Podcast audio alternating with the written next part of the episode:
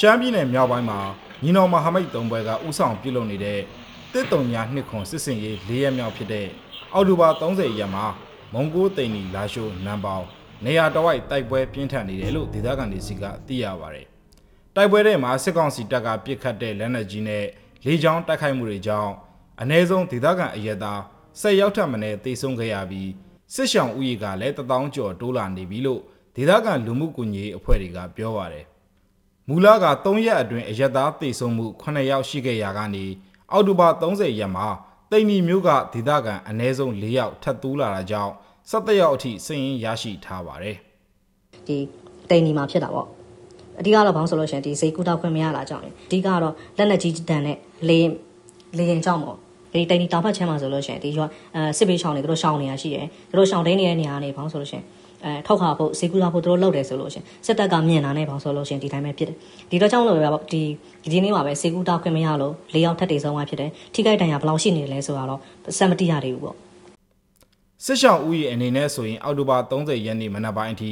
ကြောက်မဲမြို့မှာ342ယောက်ကုတ်ခိုင်တဝိုင်းမှာလူဦးရေ900ကျော်မုံကိုဘက်မှာ600ကျော် လာရှိုးပတ်ဝန်းကျင်မှာ9000ကျော်နဲ့တိန်နီမျိုးတဝိုင်းမှာလူဦးရေ9000ကျော်အထိရှိနေတယ်လို့ရှမ်းလူငယ်အဖွဲ့အစည်းတွေကစည်ရင်းကောက်ယူရရှိထားတယ်လို့ဆိုပါတယ်ဒါအပြင်တိန်နီမျိုးမှာကျေးရွာအုပ်စုဆယ်စုကျော်ကဒေသခံတောင်းနေချီပြီးပိတ်မိနေတယ်လို့လာရှိုးဘက်က9ရွာလောက်ကဒေသခံတွေလည်းပိတ်မိနေပြီးတော့စည်ရင်အတိအကျမသိရသေးဘူးလို့ဆိုပါတယ်။အောက်တိုဘာ30ရက်နေ့မနက်ပိုင်းမှာတိန်နီရဲစခန်းထွေအိုယုံအပါအဝင် စစ်တပ်စခန်းတွေကိုညီနောင်မဟာမိတ်သုံးဘွဲကတင်ပိုက်ပြီးစစ်တုံးပန်း30ကျော်ကိုဖမ်းဆီးရမိတယ်လို့သတင်းထုတ်ပြန်ပါတယ်။တိန်နီမြို့မှာလက်တလောတိုက်ပွဲအခြေအနေငြိမ်နေပေမဲ့လာရှိုးမူဆယ်ပြည်တော်စုလမ်းမပေါ်ကတိန်နီမြို့အဝင်တရားမိုင်းခွဲဖျက်ဆီးခံရပြီးမြို့ထဲမှာလည်းအချိန်မရွေးတိုက်ပွဲပြင်းထန်နိုင်တယ်လို့ဒေသခံတယောက်ကပြောပြပါဗျ။ဟုတ်ကွန်းလုံနဲ့မူတဲ့သွားတဲ့လမ်းကိုဒီညီနောင်မဟာမိတ်သုံးဖွဲ့ကပတ်ဖိုးနဲ့တူထားမှလမ်းတစ်ချက်စီးထားတယ်။ ပြီးရင်ဖုန်ကြီးကျောင်းအတီးတီးကနေအဲကျောင်း15ကျောင်းဝန်းကျင်လောက်ရှိတယ်ဗောနော်စစ်ပေးချောင်းလေးအဲ့ဒါစုစုပေါင်း3500လေးတောင်ဝန်းကျင်ကြားမှာရှိတယ်။တစ်ကျောင်းကို200 300လောက်လုံးဗောနော်။အဲအခုကတော့ပြစ်ခတ်တန်တော့နည်းနည်းငြိမ်ငြိမ်ပေမဲ့ညကျရင်သူကမြို့တိုင်းတိုက်ပွဲတွေဖြစ်နိုင်တယ်ဆိုတော့ကောလာဟာလာတည်င်းတွေလည်းမြေပြင်တည်င်းက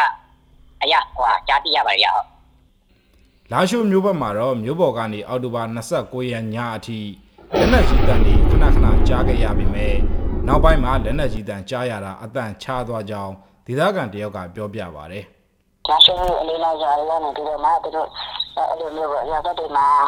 မနေရကြတဲ့အခါမျိုးကြတော့မြို့ပေါ်မှာရှိတဲ့ရှင်လေးတန်းချင်းတွေအဲနောက်လူကြရဖုန်ကြီးကျောင်းတွေအတင်းမရှိကျောင်းတွေနောက်အဓိကတော့ဒီလာရှိုးမြို့မှာအဓိကရှိတဲ့နတ်ဆူကျောင်းပေါ့လေအဲနတ်ဆူဖုန်ကြီးကျောင်းမှာ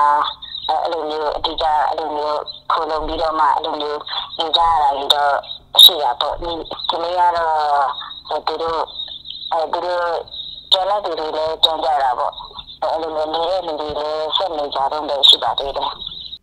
ထိခိုက်ဒေဆုံးစည်ရင်တွေနဲ့စစ်ဘေးရှောင်ဥယျာဉ်စည်ရင်တွေဟာရှမ်းပြည်နယ်တဲကလူမှုကူညီရေးအဖွဲ့တွေဒေသခံတွေစုံစမ်းရရှိသလောက်ပဲဖြစ်ပြီးဒီထက်ပိုများနိုင်တယ်လို့ထပ်ပြီးတိုးဖို့လည်းရှိနေတယ်လို့ဆိုပါတယ်